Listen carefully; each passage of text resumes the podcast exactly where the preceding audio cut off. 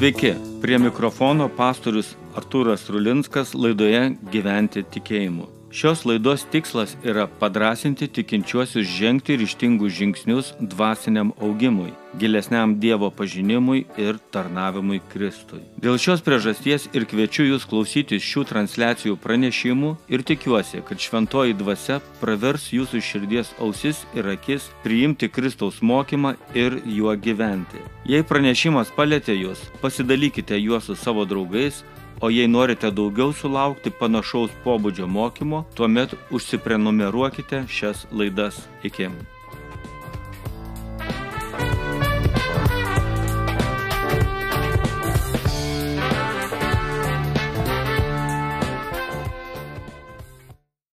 Simeono laikiusio ant savo rankų Jėzų malda. Yra žmonės, kurie mums palieka neišdildomą įspūdį ir prisiminimą. Ir tai su savimi mes nešiojame visą gyvenimą. Kartais tai kuklus žmogus, padėjęs sunkioje situacijoje, gabus menininkas ar intelektualas, ar įžymus žmogus bendravęs nuo širdžiai su mumis. Simeonas Jėzaus motinai Marijai paliko neišdildomą įspūdį. Evangelistas Lukas, užrašydamas Jėzaus istoriją, paprašė Marijos papasakoti tuos įvykius susijusius su Jėzaus gimimu ir gyvenimu ir Marija prisiminė šį maldos žmogų, netgi atsiminė jo vardą. Apie Simeoną šventojo rašto įrašų kontekste galime kalbėtis tik tais viena prasme - žmogų, kuris ant rankų laikė Jėzų kuris, ir kuris jautė šventąją dvasę. Nebejoju, kad Jeruzalė gyveno daug pamaldžių ir Dievą mylinčių žmonių, tačiau iš jų tik Simeonas atėjo į šventyklą, sutiko jauną šeimą su kūdikiu ant rankų ir paėmęs kūdikį už jį meldėsi. Kai dalinuosi šventojo rašto žmonių istorijomis, Kartais gali atrodyti, kad pasakodamas apie jų charakterio savybės, apie uolumą viešpačiui, apie darytus pasirinkimus, kalbu tarsi apie dvasinius olimpiečius. Man olimpiečiai yra tai, kas atrodo gyvenime yra neįmanoma. Man net šansų nėra ir net neverta stengtis siektis tokių rezultatų, kokių jie pasiekia. Daugelis jų nuo mažumos intensyviai treniruojasi ir turi tik tais keletą, per kuriuos pasiekia tuo mums atrodančius neįtikinamus rezultatus metų, o po to jie dar būdami jauni išeina į pensiją. Dievo žodyje yra kitaip. Dievas mums pasakoja ne apie dvasinius olimpiečius, kurie per visišką atsižadėjimą gali tik trumpą laiką bėgti ar, ar kažką kitą daryti, bet apie paprastus žmonės, kurie būtent savo žmogiškume, silpnume, jautrume, paklusnume išgirsta tai, ko kiti negirdi, pamato tai, ko kiti nemato, gauna tai, ko neprašė ir padaro tai, apie ką niekada nesvajojo. Jie tokiais tampa ne iš savo jėgų ir galių, ne iš didelių pastangų ir užsispyrimo, bet būtent iš silpnumo per paklusnumą ir Dievo girdėjimą, ką daryti. Senukas Piemuo Moze iš galingiausios pasaulio imperijos išveda jau šimtmečius pavergtą tautą. Pauglys Dovydas su svaidiklė rankose nukauna profesionalų stipriausią kariuomenės karį galijotą. Berniukas, atiduodamas Jėzui, jam įdėtus pietus pasotina minę žmonių. Nusidėjėlė laikoma moteris, Jėzui bučiavusi kojas, savo ašromis plovusi ir plaukais jas nušluoščiusi, tampa pirmoji viešpatės prisikelimo liudininkė. Šiandien apie maldą mokysimės iš šio seno žmogaus Simeono ir šie pastebėjimai yra gana stiprios išvalgos mums besimokantiems maldoms ir bendravimo su Dievu. Tai bus maldos intencija jausti Dievą ir tai, ką Jis nori daryti, maldos atlygis būti išlaisvintų, iškeliauti ir apšviestų regėti garbę ir maldos pamokymas per Jėzų yra priežastis nupulti ir atsikelti. Skaitysime Evangeliją pagal Luką, antrą skyrių 25-35 eilutes.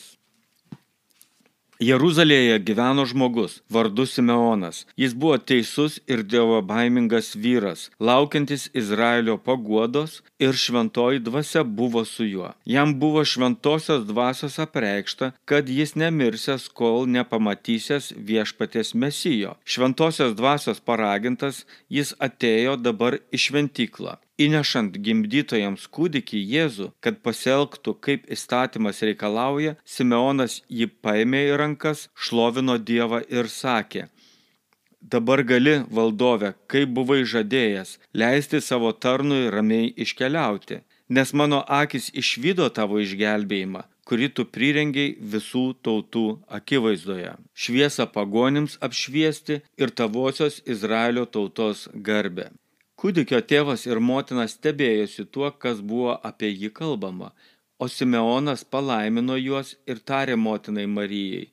Štai šis skirtas daugelio Izraelyje nupolimui ir atsikelimui. Jis bus prieštaravimo ženklas ir tavo pačios siela pervers kalavijas, kad būtų atskleistos daugelio širdžių mintis. Amen. Pirmiausia, maldos intencija - jausti Dievą ir tai, ką Jis nori daryti.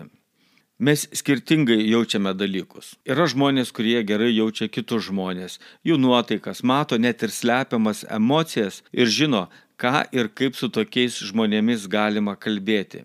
Taip pat yra žmonių, kurie jaučia muziką ir jie būna nuostabus muzikantai, kurie muzikos garsais paliečia net giliausius muzikos klausytojų jausmus. Dar yra žmonių, kurie jaučia, kaip tvarkyti reikalus, kaip pagauti ežere plaukiojančią žuvį, kaip uždirbti pinigus ar kaip e, sukurti verslą, kurie gauna darbą, sėkmingai gyvuoja savo profesinėje veikloje. Sakome, jiems fortūna padeda.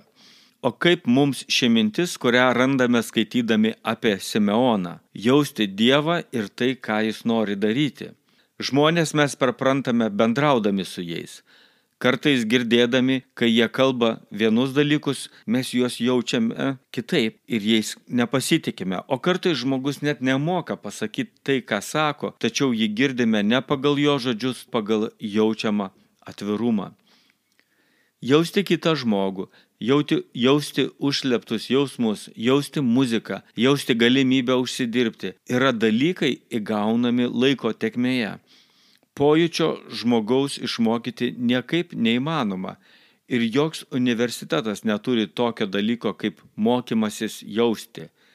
Pojūtis yra labai asmeniškas dalykas, susijęs su patirtimi, pažinimu, supratimu, išmintimi ir tikėjimu. Jausti Dievą taip pat dalykas, nuotaika, jausmas, atsirandantis praktikuojant tam tikras dvasinės pratybas, ugdančias dvasinį jautrumą. Simeonas buvo tas žmogus jaučiantis Dievą. Šiame tekste mes skaitome, kaip Simeonas jautė eilę dalykų, kurie turėjo išsipildyti jo gyvenime ir kuriuos jis turėjo padaryti. Pirmas iš jų buvo tas, kad jam buvo apreikšta, tai yra kita jautimo forma, kad iki mirties jis pamatys Izraelio mesiją. Antra, tai tą vieną dieną jis tiesiog jautė šventosios dvasios paraginimą eiti į šventyklą. Tačiau atėjęs į šventyklą jis nenuėjo į vyrų maldos kiemą, bet liko greičiausiai taip vadinamame pagonių kieme. Daug kas iš mūsų norėtų, panašiai kaip Simeonas, jausti Dievo dvasę ir laiku ateiti į tokią vietą, kur kažką Dievas daro, kuris nori mus panaudoti kokiam nors svarbiam dalykui. Kai aš savo užduodu klausimą, o ką man daryti, kad jausčiau Dievą taip, kaip jautė Simeonas ir būčiau ten, kur man reikia būti, daryčiau tai, ką man reikia daryti. Manau, net ir žinodamas atsakymą, ir tai dar nebūtinai pradėsiu jausti Dievą, nes tas jautimas ne nuo manęs priklauso. Ar pats Dievas norės, kad jį jausčiau, net jei ir viską darysiu teisingai, kaip parašyta. Vis dėlto trumpas atsakymas su išvalgomis yra parašytas šiose eilutėse apie tai, koks buvo Simeonas - teisus ir dievobaimingas vyras. Dievui jausti reikia praktikuoti ir gyventi teisume ir dievo baimingume. Apie teisumą raštas moko daug. Galbūt įžymiausia yra pirmoji psalmė, kurioje sakoma viešpats globoja teisiųjų kelią. Teisiam žmogui viešpatės įstatymas teikia džiaugsmą ir jis apie jį nuolatos masto. Teisus žmogus yra tarsi medis pasodintas prie tekančio vandens. Antra, koks buvo Simeonas, norėčiau akcentuoti tą kitą žodį, kuris lietuviškai yra išverstas kaip dievo baimingas. Graikiškai šis žodis yra eulabei, o jo teisingesnis vertimas yra sąmoningas. Graikų kalbos žodynas dar patikslina tai, kad šis sąmoningumas yra suprastas religingumas. Kitas žmogus, kurį taip pat žodžiu dievobaimingas yra verčiamas apibūdino evangelistas Lukas, yra naujosios sandoros tikintysis persekiojamos bažnyčios narys Ananijas, kurį sutinkame Sauliaus atsivertimo istorijoje. Ananijas taip pat girdėjo iš viešpatės ir atėjo pas Saulių, kai visi kiti tikintieji jo bijojo. Taigi Sim Simonas buvo ir teisus, ir suprato tikėjimo prasme. Jokių ypatingų dvasingumo praktikų ir slaptų dalykų, kuriuos reikia žinoti, norint turėti ryšį su Dievu, jame nėra. Tačiau tuo pačiu jame viskas yra, nes Dievas su juo bendrauja.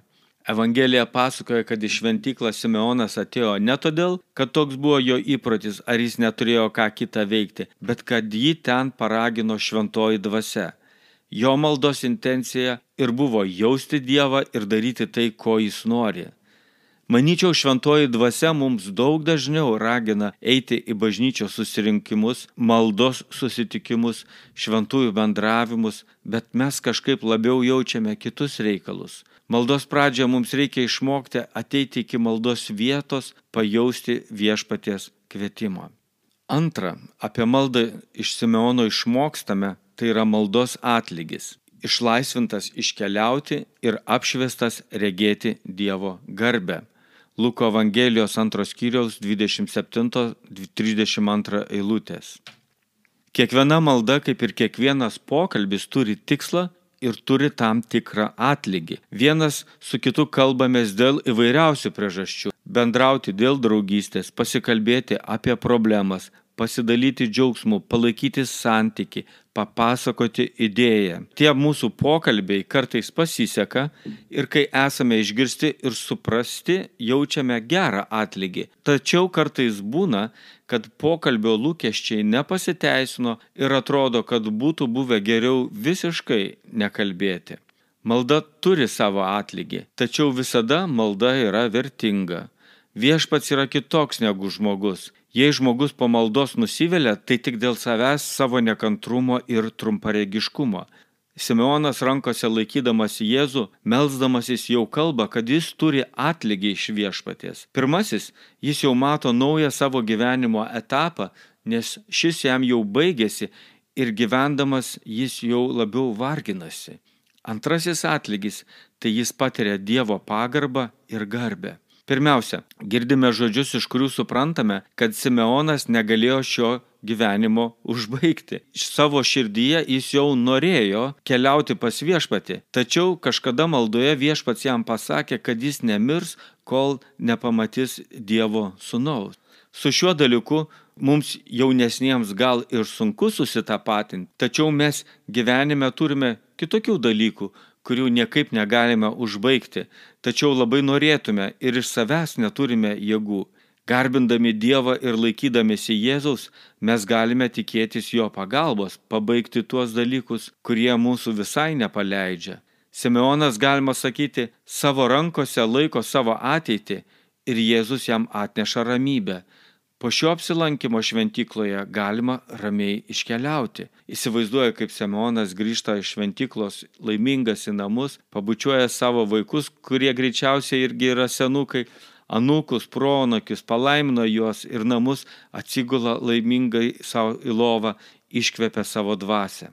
Manau, kad Simeonas yra panašus į Abraomą, apie kurį yra rašoma pradžios 25 skyriuje 8 eilutėje. Jis atsikvėpė paskutinį kartą, mirdamas laimingoje senatvėje, sulaukęs ilgo amžiaus ir buvo sujungtas su savo giminė.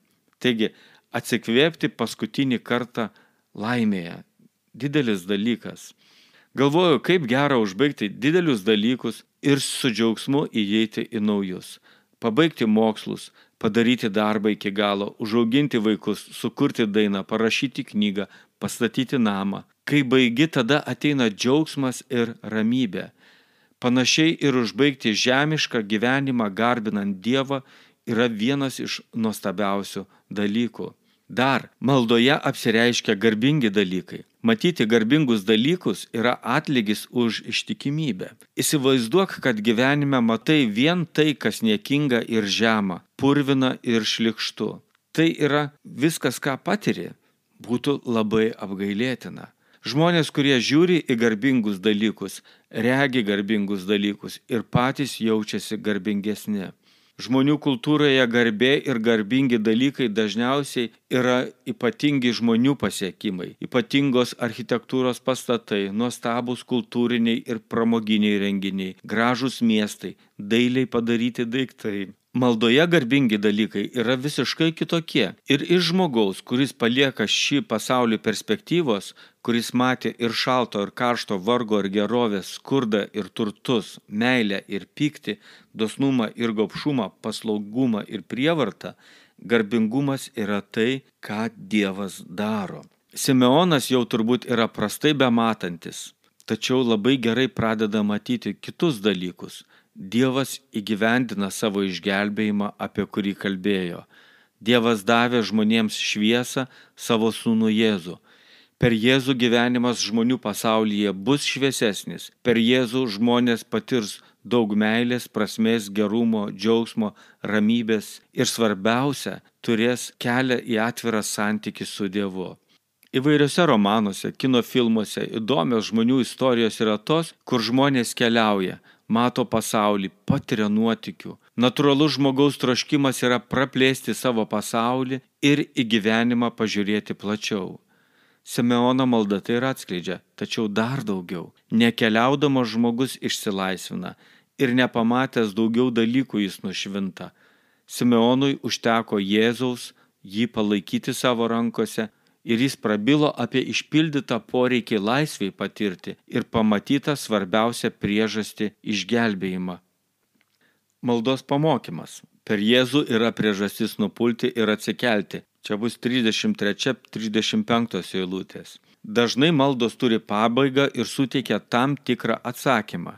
Po maldos būna ateina žinojimas, ramybė, pasitikėjimas, džiaugsmas ar padėka.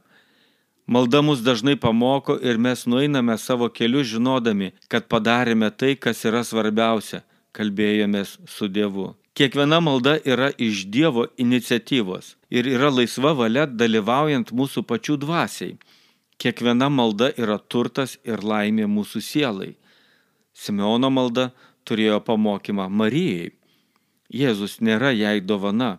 Jėzus atėjo dėl daugelių žmonių tiek Izraelyje, tiek pasaulio tautose. Žinia ir pamokymas pasaulio žmonėms apie tai, kas yra Jėzus, yra pirmas maldos žodis maldininkams. Jis yra priežastis nupulti ir atsikelti. Dažnai gyvendami tikėjime melžiamės dėl mums artimų žmonių, kad jie patikėtų Dievu, atsigręžtų į jį ir jų širdis atsiverstų. Simeono maldos atsakas yra dviejopas. Dėl Jėzaus žmonės ir nupuls ir atsikels.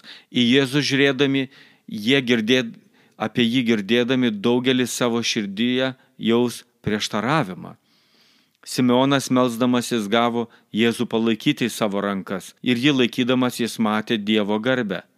Tačiau tomis pačiomis dienomis Izraelio karalius Erodas dėl Jėzaus jautė nerimą ir jis, ir jis siuntė savo kariuomenę išžudyti kūdikius Betlėjoje tikėdamas, kad jis užmuš ir Jėzų, nes jam atrodė, kad Jėzus jį nuvers ir atims iš jo valdžią. Nuo erodo iki šių laikų Jėzaus žmonės susiduria su įvairiausio pobūdžio pavojais, persiekėjimais, paniekinimais vien dėl jo vardo. Jėzaus vardas žmonių sielose iškelia į paviršių ir tai, kas yra juose blogiausia, ir tai, kas yra juose geriausia. Dėjų, dėja tų, kurių gyvenimuose iškyla geriausi dalykai, yra nedidelė mažuma.